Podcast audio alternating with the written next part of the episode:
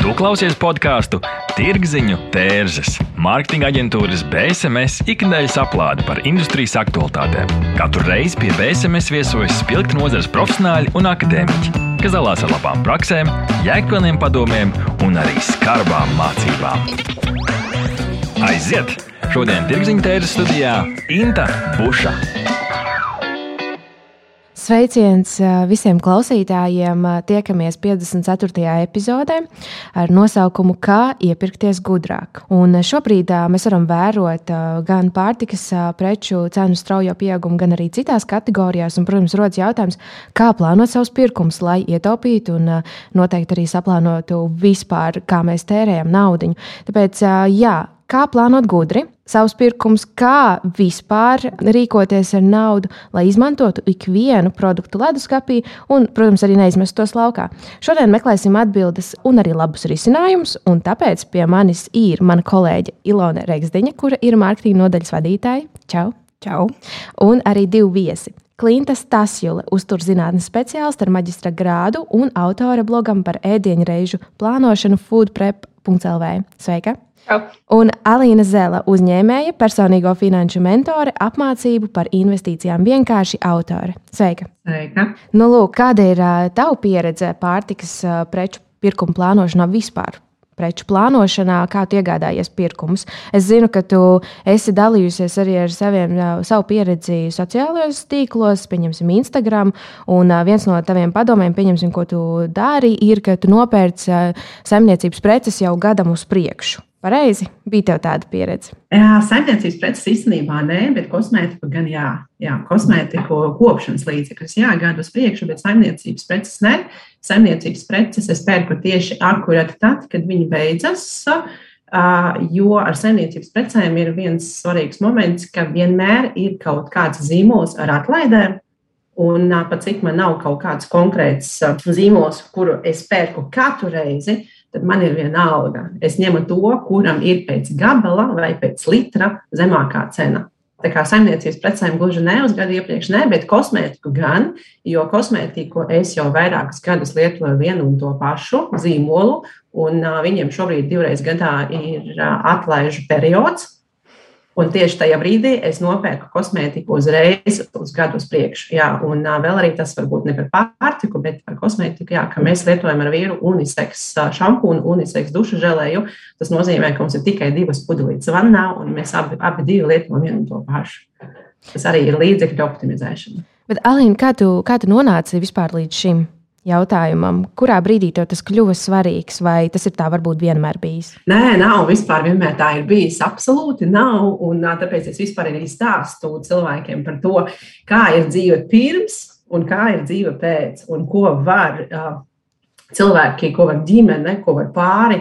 Uh, indivīdi iegūt no tā, ka viņi sāk plānot uh, savas izmaksas, no tā, ka viņi sāk plānot pārtiks budžetu, saimniecības preču budžetu, kosmētiku budžetu, kāds tas iegums viņiem ir. Jo tas ir tas, ko es izgāju savas ādas.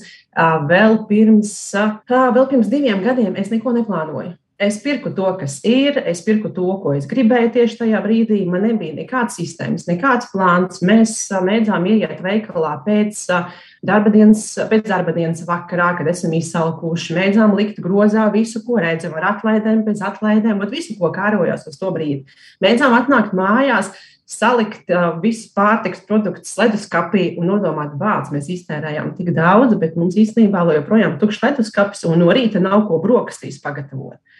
Ja, un, Mēs mēģinām braukt vienkārši izklaides pēc uz veikalu brīvdienās, jā, ārā ir lietas, un mēs mēģinām vienkārši aizbraukt bez, bez, bez plāna, aizbraucam, iepērkam pārtiku produktus. Uh, Mēs dzīvojam forši un likās, viss ir pareizi un, un viss ir labi. Vienīgais mīnus - mums nebija uzkrājuma. Mums it kā ir nauda, mums it kā pietiek visam, mēs darām, ko mēs gribam, bet mums nav tādu uzkrājumu, kas varētu uzturēt mūsu ģimeni, piemēram, gadu bez ienākumiem. Vai mums nav tādu uzkrājumi, kas varētu mūs uzturēt vecumdienām. Un tajā brīdī, pirms diviem gadiem, likās, tam, tam arī nav nozīmes. Taču tagad ir forši, tagad ir labi, tagad mēs tiekam ar visu kārtībā.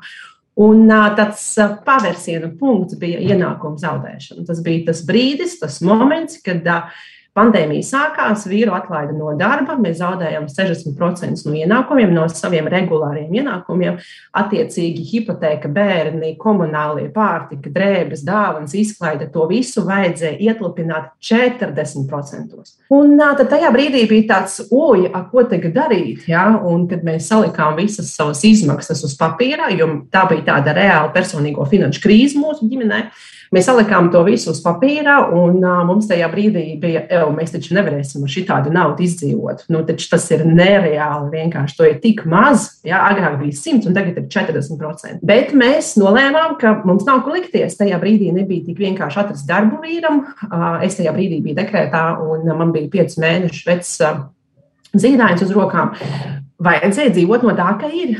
Un tad gāja mēnesis aiz mēneša, mēnesis aiz mēneša, un pēc pieciem mēnešiem mēs sapratām, ka tas ir vairāk kā reāli dzīvot ar to naudas summu, kas bija mūsu krīzes budžets jo mēs izveidojām savu izmaksu sistēmu, plānošanas sistēmu gan pārtikai, gan drēbēm, gan kosmētikai, gan, gan saimniecības precēm. Un pēc pieciem mēnešiem, kad vīrs atgriezās darbā un kad mūsu ienākumi atkal bija 100% apmērā, mēs sapratām, ka mēs vairs negribam dzīvot, kā mēs dzīvojam iepriekš. Mēs, mums parādījās tā iespēja ieraudzīt, kāds ieguvums ir no finanšu viedokļa ģimenei, ja ģimene sāk plānot naudas plūsmu. Un viss.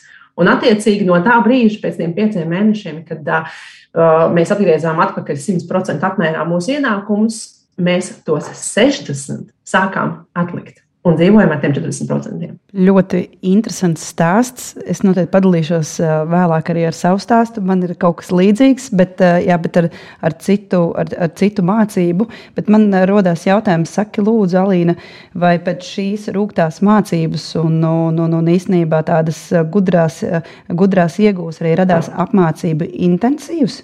Kas tas ir? Ko tu stāsti tajā un ar ko tu dalies ar apkārtējiem cilvēkiem? Apmācība intensīvs nav radies dēļ, dēļ tās pieredzes, ko mēs piedzīvojām kā ģimene, bet viņš rādās kā pieprasījums no sekotājiem un pieprasījums no cilvēkiem, kas ir mana auditorija, ar kuru kopā es komunicēju.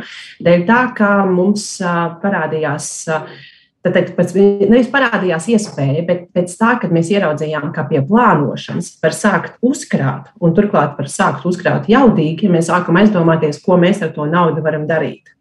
Un nevis darīt tagad, lai varētu apmierināt kaut kādas vēlmes un vajadzības tūlīt pat, ja, bet darīt nākotnē. Jo mēs sapratām ar vīru vienu ļoti svarīgu, nozīmīgu lietu, kas vispār šobrīd arī virza mūs uz to, kā mēs dzīvojam no finanšu viedokļa, un arī virza to, ko es stāstu savai auditorijai. Mēs gribam dzīvot labklājībā tagadnē, jā, pilnīgi noteikti, to grib katrs, bet katrs gribēs dzīvot labklājībā arī nākotnē. Bet nauda ienākuma, ienākumi ar gadiem, ņemot vērā, ka samazinās mūsu fiziskās prasmes un mentālās prasmes, mūsu ienākumi ar gadiem samazinās. Tad šobrīd ir īstais brīdis, lai tagadnes ienākumus dalītu divās daļās. Vienu daļu izmantotu tagadnes vajadzībām, vēlmēm, un otru daļu paturētu, lai nākotnē arī būtu prieks no dzīves, lai nākotnē arī būtu tā labklājība. Un tā arī tā, tā ir tas. Ir tas Galvenais motīvs, galvenais dzinējs, kā mēs šobrīd plānojam, un dēļ tā es arī radās mans blogs, to es arī stāstu savā blogā, un dēļ tā arī radās tas intensīvs, jo intensīvā es stāstu pamata lietas, primāras lietas, kas jāzina par finanšu tirgu, un kas ir jāzina, ja tu vēlies uzkrāt ilgtermiņā, 10 gadus, 20 gadus, 30 gadus, lai varētu savu kapitālu saglabāt ja, inflācijas dēļ saglabāt un arī palielināt, lai šo inflāciju varētu arī apsteigt. Jā, tā kā intensīvs ir radies jau pēc tam, kā atbilde uz pieprasījumu no, no sekotājiem, un es padalījos, kā var nākotnes labklājību arī izveidot ļoti patīkami. Īstenībā tā ir, tā ir, tā ir vieda, vieda lieta, ka to, ko mēs iegūstam, ka mēs dalāmies tālāk, jo tā mēs īstenībā radam, radam un dodam cilvēkiem zināšanas. Es tādu arī tādu nelielu stāstu par savu pieredzi. Mums, mums nebija tik skarba situācija, ka mēs palikām es vai vīrs bez darba, bet īstenībā Covid ietekmē, kad cilvēki baidījās doties uz veikalu, arī mēs sākām plānot pirkumus, un vēl joprojām mēs to darām. Mēs iepērkamies vienu reizi nedēļā, mēs veidojam sarakstu, un pēc šīs saraksta arī tiek veidotas ēdienkartes. Mums ir jā, tad, uh, pilna ģimene, divi pieaugušie, divi bērni, kuriem mēs no tā, no tā pārtikas preču grozu, ko nopērkam nedēļā. Mēs uztaisām gan brokastis, gan pusdienas, gan līdzi uz skolu, ēdienreizes, gan arī vakariņas. Un īstenībā pietiek veselai nedēļai. Un tas, ko mēs pamanījām, ka tieši tā kā tur ir minēja, ka netiek uh, apmeklēta veikala pēc darba laika ar tukšu vēderu, netiek nopirkts kaut kādas ekstra nevajadzīgas lietas, un mēs reāli ietaupījām. Un mēs joprojām pieturamies pie šīs uh, schēmas un dodamies reizes nedēļā iepirkties, taisām lielos pirkumus, līdz ar to mēs ietaupām gan resursus, resursu, kas ir laiks, gan arī naudu.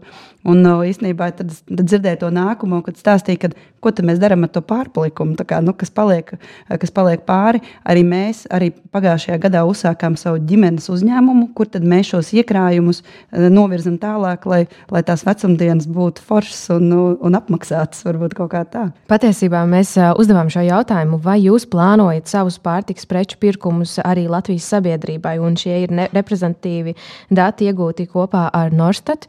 Un 81% saka, ka jā, viņi plāno.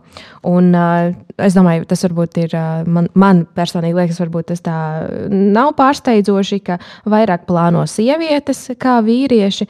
Un arī mēs redzam, uh, principā, ka jaunieši vecumā no 18 līdz 29 gadiem mazāk plāno kā vecāka gadagājuma paudzes. Bet uh, saki, Klimta, tu kāds ir tavs ceļš līdz ēdieņa reižu plānošanai un leduskapju plānošanai, un kāpēc tev šķiet šī ir aktuāla tēma? Mana pieredze laikam ir līdzīga arī tāpat kā Līnai un ļoti daudziem no, no jums. Ka vienā brīdī liekas, ka tā nauda kaut kur pazūd, kā pelni, pelni, bet uh, tā nauda, jā, mēneša, mēneša beigas, un tad nu, jau jāskaita aizvien vairāk. Ar gadiem tā alga arī kā lielāka paliek, bet uh, kontā vairāk naudas īpaši nepaliek. Un tad nu, tas pirmais, man liekas, ir jāpieķeras ne tikai tam pārtikas budžetam, bet vispār budžetam kā tādam, kādi man ir ienākumi, kādi man ir izdevumi, sadalīt to kategorijās. Un cik tad nu aiziet tur, piemēram, īrei, komunālajiem, un tad īstenībā pārtika ir tas trešais, nu, lielākajai daļai tas trešais, nākamais, uh, lielākais izdevums. Bet Kur ir tā atšķirība, ka šis ir tas mainīgais izdevums? Ja mēs nevaram samazināt varbūt īri vai komunālos, tad šīs pārtikas izmaksas gan mēs varam samazināt. Un tas, man liekas, citiem ir jāņem vērā, un tie, kas eh, grib ietaupīt naudu, tad pārtika ir tas, uz ko tomēr var ietaupīt naudu. Mēs ar draugu arī sākot kopā dzīvot. Vienu brīdi pamanījām, ka mūsu pārtikas budžets ir daudz, daudz par lielu. Tie bija vienu brīdi pat godīgi teikšu 600 eiro divi tā dzīvojot. Ko jūs ēdāt? Kas? Ko jūs ēdāt? Austeres? Zini, zini, es pat teikšu, ka vienmēr ir tas uzskats, ka veselīgs uzturs ir dārgs, bet es nekad tam neesmu piekritusi. Un tad, nu, paskatoties, es pirmkārt ne īpaši veselīgi ēdu, ne, nu, ne tas ir ekonomiski, tas ir dārgi un savā ziņā varbūt neveselīgi. un tad nu, nāca jā, tāda apskaidrība, ka kaut kas ir jādara lietas labā. Un uh, sākām jāplānot uh, budžetu kopumā, un tā skaitā arī pārtikas budžetu. Tad, protams, nāca Covid laiks, ka ja līdz tam mēs, mums izdevās samazināt pārtikas budžetu aptuveni par 30%, tā ļoti tikai mazliet piedomājot, bez īpašas tādas apņemšanās, tad Covid laikā īstenībā pat par 50%, vismaz par 50%. Tā kā tas ieguvums, teiksim, no 600 eiro uz 250, uh, manuprāt, bija ļoti būtisks. Un jāsaka uzreiz, ka, ja es pat atklāju savu pārtikas budžetu aptuveni, ka mans mērķis īstenībā ar ēdienreizu plānošanu nav ietaupīt primāri naudu. Jo mans uh, Mans mērķis bija ēst veselīgāk, ietaupīt laiku un arī uzlabot savus ēšanas paradumus un uzlabot attiecības ar ēdienu. Tātad primārie mērķi man īstenībā bija, bija, bija citi un joprojām ir. Bet šis mērķis ietaupīt naudu, kāpēc ne? Jo man liekas, ir ļoti būtiski arī saprast, ka nauda ir līdzeklis. Tas ir līdzeklis, un Kaut kur mēs viņu iztērēsim, bet kur mēs viņu gribam iztērēt? Jā, es gribu ēst veselīgi, es gribu ēst uh, labi, bet te pašā laikā man, piemēram, kā jaunietei, ļoti svarīgi bija ceļošana. Hobijiem tērēt šo naudu. Es dejoju, es ceļoju, es gāju ar draugiem uz brančiem. Un tad tās ir tās lietas, kur man to naudu gribējās vairāk tērēt. Teiksim, kaut vai nopirkt avio biļetes par 50 eiro un aizbraukt pie draudzenes uz ķelni, tas bija mans tas mērķis, kam es vairāk atliku šo sākumā naudu. Ja tagad varbūt tas ir vairāk uzkrājumiem, tad iepriekšējos piecus vai septiņus gadus tas bija, tas bija, tā bija mana motivācija ietaupīt arī uh, saistībā ar pārtikas budžetu? Mēs, uh, es tagad skatos uh, tikmēr uz um, Norstat datiem, un jūs jau nedaudz minējāt par to, cik jūs savā ģimenēs bieži iepērkaties veikalos. Un, visbiežāk Latvijas sabiedrībā 35% apmeklē veikalu divas, trīs dienas nedēļā, divas, trīs reizes nedēļā, respektīvi. Un nākošā populārākā atbilde ar uh, 26% ir vienu reizi nedēļā, kas arī šeit izskanēja, un tad seko 3, 6, 3 vai 6 reizes nedēļā 20%. Un uh, ir arī 11% saka, godīgi katru dienu. Ko jūs komentētu par, par šiem datiem? Alīna, varbūt var sākt. Jā, jā, es varu sākt. Es īstenībā arī papildinātu Klintas teikto par iepriekšējo, kamēr es atceros, varam tā izdarīt, jā, kamēr es atceros. Patiesība ir tāda, ka cik es ikdienā strādāju ar personīgām finansēm, ar dažādiem cilvēkiem, un patiesība ir tāda, ka pārtiks budžets ir lielākais izdevumu, izdevumu apmērs cilvēkiem ar vidēju algu apmēru. Jo, ja mēs runājam par to, ka ģimenēm budžets, ģimenes ienākumi ir piemēram pusotrs tūkstošs, 2000, 2500, tad kā reiz šie 600, 800 eiro mēnesī pārtikai ir tas, kas ir vidējais cilvēka tērē, un tā ir lielākā kategorija. Viņi maksā mazāk par hipotēku, viņi maksā mazāk par komunāliem, viņi ik mēnesī maksā mazāk par kosmētiku, saimniecības precēm, drēbēm un tā tālāk, bet pārtika ir uh, izmaksas apmērs numur viens, ja ienākumi ir vidēji virs vidējā vidējā. Jā, tiklīdz ienākumi ir krietni virs vidējā ienākuma apmēra, tad, jā, tad pārtika vairs nebūs lielākais izmaksu, iz, izmaksu daudzums, ne, jau būs mazāks. Bet tā vispār vidēji tiešām pārtika ir tas, kas visvairāk izsūdz naudu no budžeta. Jā. Un attiecībā uz šo te iešanu uz veikalu, jāmin svarīgs moments attiecībā uz naudu un emocionālo sastāvdaļu naudai un emocionālo sastāvdaļu pārtikai. Mums patīk ēst. Ēšana ir bauda. Un, ja mēs ejam veikalā, mēs ne tikai gribam apmierināt savas instinktīvās vajadzības, iegūt kalorijas, ja, lai varētu uzturēt savu ikdienu, savu ķermeni. Ja, ne tikai lai kalorijas, bet mēs pērkam arī, lai gūtu baudu, lai apēstu ja, un gūtu šo apmierinātību. Un tāpēc mūsu smadzenes ir gatavas iztērēt naudu, lai pretī saņemtu baudu. Mūsu rīcības ir vērstas uz to, lai mēs naudu tērējam, lai saņemtu baudu vai lai mazinātu sāpes. Tā kā smadzenes vienmēr grib, lai mums mazāk sāp un ir vairāk baudu. Un tajā pašā laikā pārtika ir arī tās izmaksas, kas gabalā ir lētas gabalā ir lētas. Tas nozīmē, ka tu ieej veikalā, tu redzi, ka tas, ko tu gribi, kas tev iedos baudu, maksā 2 eiro, 3 eiro, 1 eiro, 5 eiro, 4 eiro. Un tavs smadzenes redz šīs summas, kas tavam smadzenēm, tavam prātam nav lielas summas. Nu, kas ir 1 eiro, kas ir 2 eiro, kas ir 3 eiro? Bulciņas, sniker, batoniņš. jā, jā, jā, un tas ir, tā, tās ir mazas summas, un mēs tajā brīdī liekam, liekam, liekam, liekam, jo mēs tajā brīdī mūsu prāts nav spējīgs skaitīt līdzi, cik daudz daudz ir kopā. Ja, bet smadzenes jau visu apēda, bauda jau ir, acis jau apēda. Tad mēs nākam pie kases klāt, mēs to visu samaksājam. Un šie 1, 2, 3, 4, 5 eiro kopumā jau iedod 50. 51 reizes, 52 reizes, 53 reizes, un kopumā jau ir 150, 200. Prātam ir grūti tērēt lielu naudas skaitu uzreiz. Mums ir salīdzinoši maz patiesībā, cilvēkiem ir salīdzinoši maz lielu pirkumu mēnešu ietvaros ļoti reti, kad mēs katru mēnesi pērkam kaut ko, nu, ja vien, gan vienīgi remonts, ja tur notiekās, tad tur ir budžets cits. Bet tā, lai mēs ietu veikalā un tērētu 300 eiro uzreiz savai baudai, 200 eiro uzreiz savai baudai, prāts tajā brīdī liek bloku un saka, nē, šis ir pa daudz. Mm. Bet nopirkt uh, desmit reizes pat 30 eiro prātam ir vienkārši.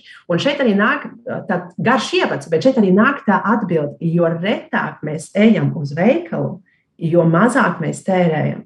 Un, ja mēs nākam uz veikalu katru dienu, mums gribas baudu katru dienu, mēs tērējam naudu katru dienu, un sanāk, ka šie viens apmeklējums 15 eiro, nākamais apmeklējums 15 eiro, nākamais, un tad nedēļā tie ir 15 reizes. 15 eiro reizes 7, kas jau mums iedod iznākumā 95 eiro, gandrīz 100. Un 4, jau ir 400. Tad tā, tas moments ir tāds, ka tev ir tā kā jāapmana savas smadzenes. Tev ir jādod viņam bauda, nevis katru dienu, bet jādod viņam liela bauda. Vienreiz nedēļā jānopērk tas, kas tev garšo, tas, no kā tu gatavosi visu nedēļu, un no kā tu pārtiks kalorijas. Un tad tu vienkārši katru dienu to gatavo. Jā, tas var būt vienreiz nedēļā vai divas reizes nedēļā, bet arī jāņem vērā, ka ir ļoti, ļoti atkarīgs no cilvēku skaita ģimenē. Ja tu esi viens, ja tu dzīvo viens, tev tiešām ir izdevīgāk pirkt nevis reizes nedēļā, bet pirkt reizi katru otro dienu vai pat katru dienu. Jo uh, lielākā daļa no visiem produktiem, kas ir veikalos, viņi vairāk ir domāti ģimenēm. Ja, tad tur ir lielas pakas, ir vairāk domāt ģimenēm. Un, ja paka ir maza, tad viņa maksā dārgāk. Bet problēma ir tāda, ja tu dzīvo viens, tu nespēj apēst, un tev sanāk ļoti daudz izmest ārā. Tad tiešām tie, kas dzīvo vieni, viņiem ir izdevīgāk iet uz veikalu biežāk, bet ar sarakstu, ar konkrētu plānu un pirkt nelielas porcijas. Šajā gadījumā viņiem nevajadzēs vienu un to pašu ēdienu ēst nedēļu Ja, un viņam arī mazinās uh, food waste. Bet, ja tā ir ģimene, piemēram, divi pieaugušie, divi bērni, uh, varbūt trīs bērni, viens bērns nav svarīgi, tur tiešām ir uh, daudz uzreiz. Uh, to var var vienkārši eksperimenta pēc uztaisīt. Uzreiz būs jūtams ieguvums no tā, ka jūs vienkārši iepirksties vienreiz nedēļā vai divas reizes nedēļā maksimums. Jā, mēs pieskārāmies jau dažādiem padomiem, kā gudrāk iepirkties, bet tagad mēs iesim nelielā pārtraukumā. Neatbildami jautājumi, sarežģīti lēmumi. Sazinies ar Norstat. Mēs palīdzēsim. Norstat. Tas ir draudzīgs servis, innovatīvi risinājumi un kvalitatīvi dati, lai tu varētu pieņemt veiksmīgus, datos balstītus lēmumus. Pievienojies vairāk nekā simts Latvijas uzņēmumiem, kas uzticas vadošajam datorisinājumu nodrošinātājam Ziemeļeiropā. Mūsu mērķis ir atvieglot tavu dzīvi un ļaut pieņemt pareizus lēmumus. Norstat - vērtīgi dati svarīgiem lēmumiem. www.norstat LV BSMS tas ir zīmola pārdošanas un mārketinga atbalsts, stratēģijas, satura un menedžmenta pieredze kopš 1999. gada. BSMS nodrošina radošas, tradicionālas un digitālās pārdošanas veicināšanas kampaņas un konsultācijas.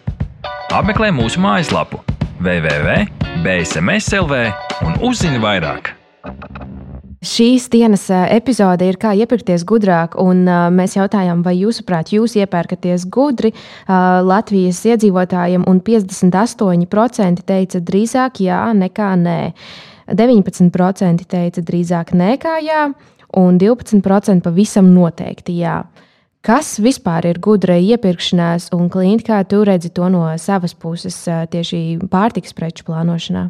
Manuprāt, pirmais ir jāsaprot, kas jums jau ir mājās. Tas viens solis jau pirms iepirkšanās ir tāda apzināšanās, kas ir mājās, kas ir pieliekamajos skāpīšos, virtuves skāpīšos, kas ir leduskapī, kas ir saldētavā. Un pirms to neizdara, nedrīkst iepirkties. jo galu galā uh, ir tā sajūta, ka mājās nekā nav, bet ticiet man, atveriet šos visus durtiņus, palūkojiet. Un, Uh, izkraujiet visu ārā un jau ļoti daudz ko ēst. Ir tāds uh, angļu valodā arī you have food at home. ļoti labs teikums.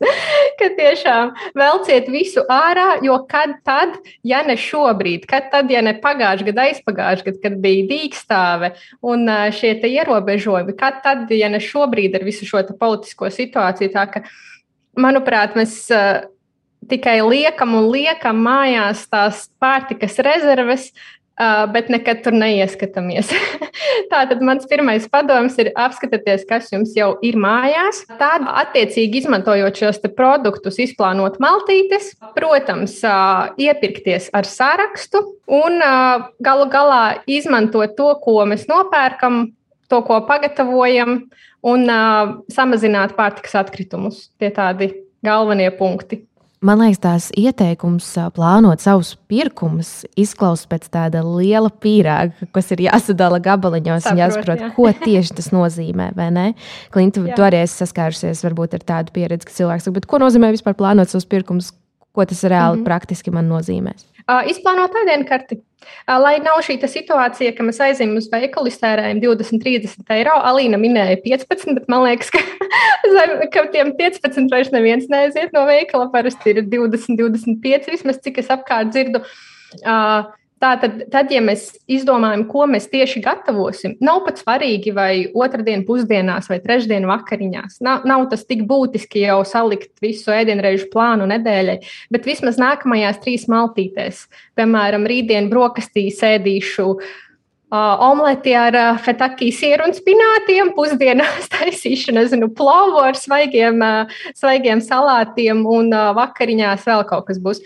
Kaut vai izdomāt šīs trīs, četras maltītes, un tad iet uz veikalu un uh, konkrēti tos produktus nopirkt, lai nav tā situācija, ka mēs aizejam uz veikalu, sapērkamies, izejam ārā, esam iztērējuši 30, 40, 50 uh, eiro.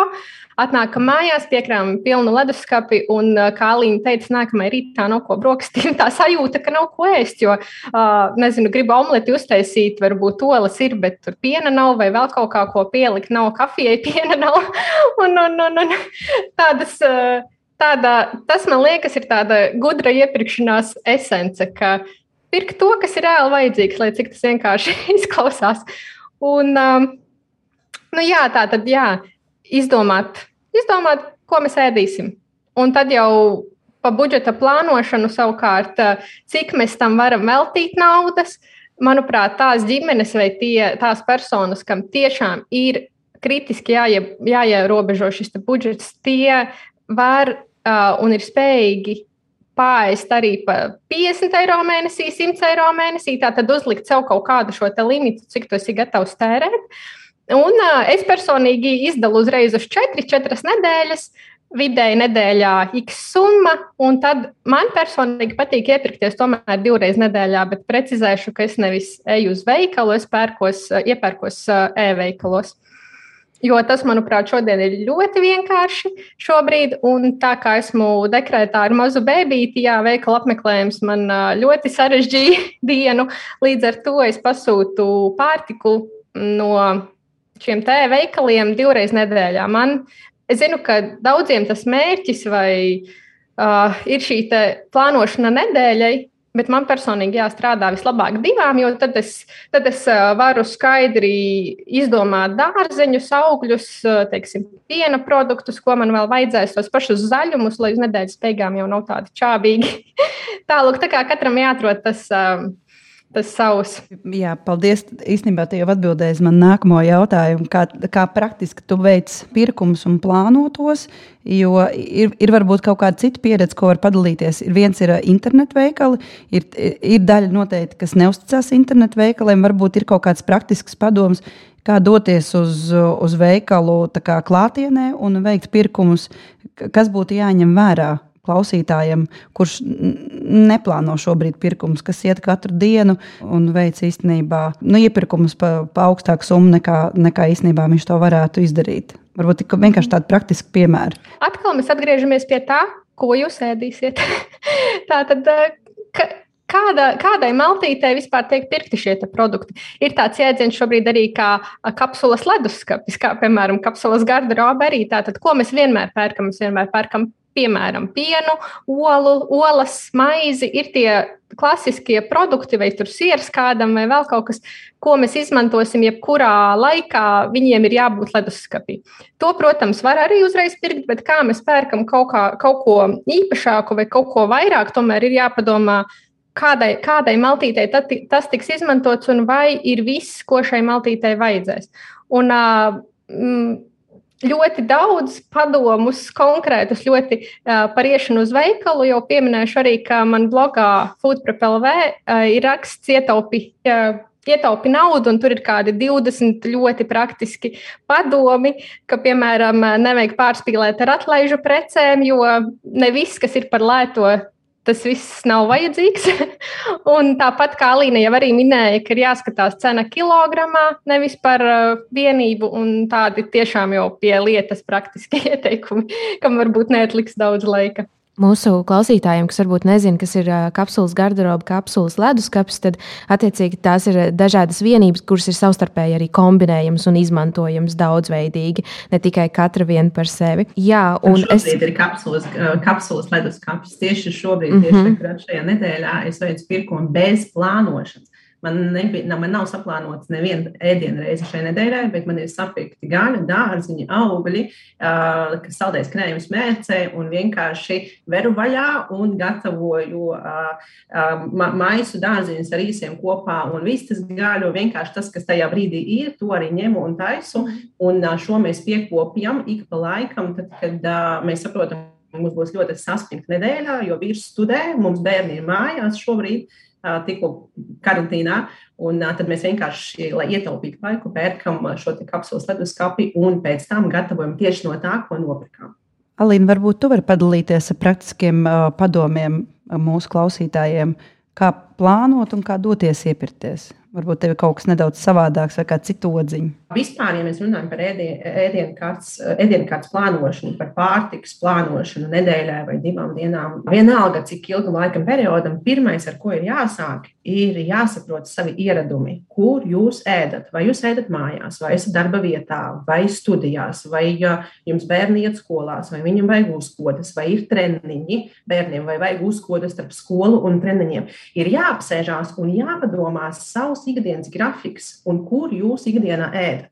No tā arī veidojās tas, kādi produkti jums ir vajadzīgi. Vai jums vajag produktus brokastīm, pusdienām, vakariņām, mājās, vai tomēr jūs ieturat pusdienas darba vietā. Uh, Vai jums ir nepieciešamas uzkodas? Iespējams, jūs paši ejat uz treniņiem, un jums ir nepieciešama uzkoda no treniņa pēc kaloriju zudumā, lai neiet iekšā veikalā, nesapirkt kaut ko emocionāli. Tad varbūt jums vajag kaut kādu uzkodu pēc treniņa, lai jūs tiekat līdz mājām, un jums tur nav kaut kāds jau diskomforts vēderā, ka esat izsalkuši.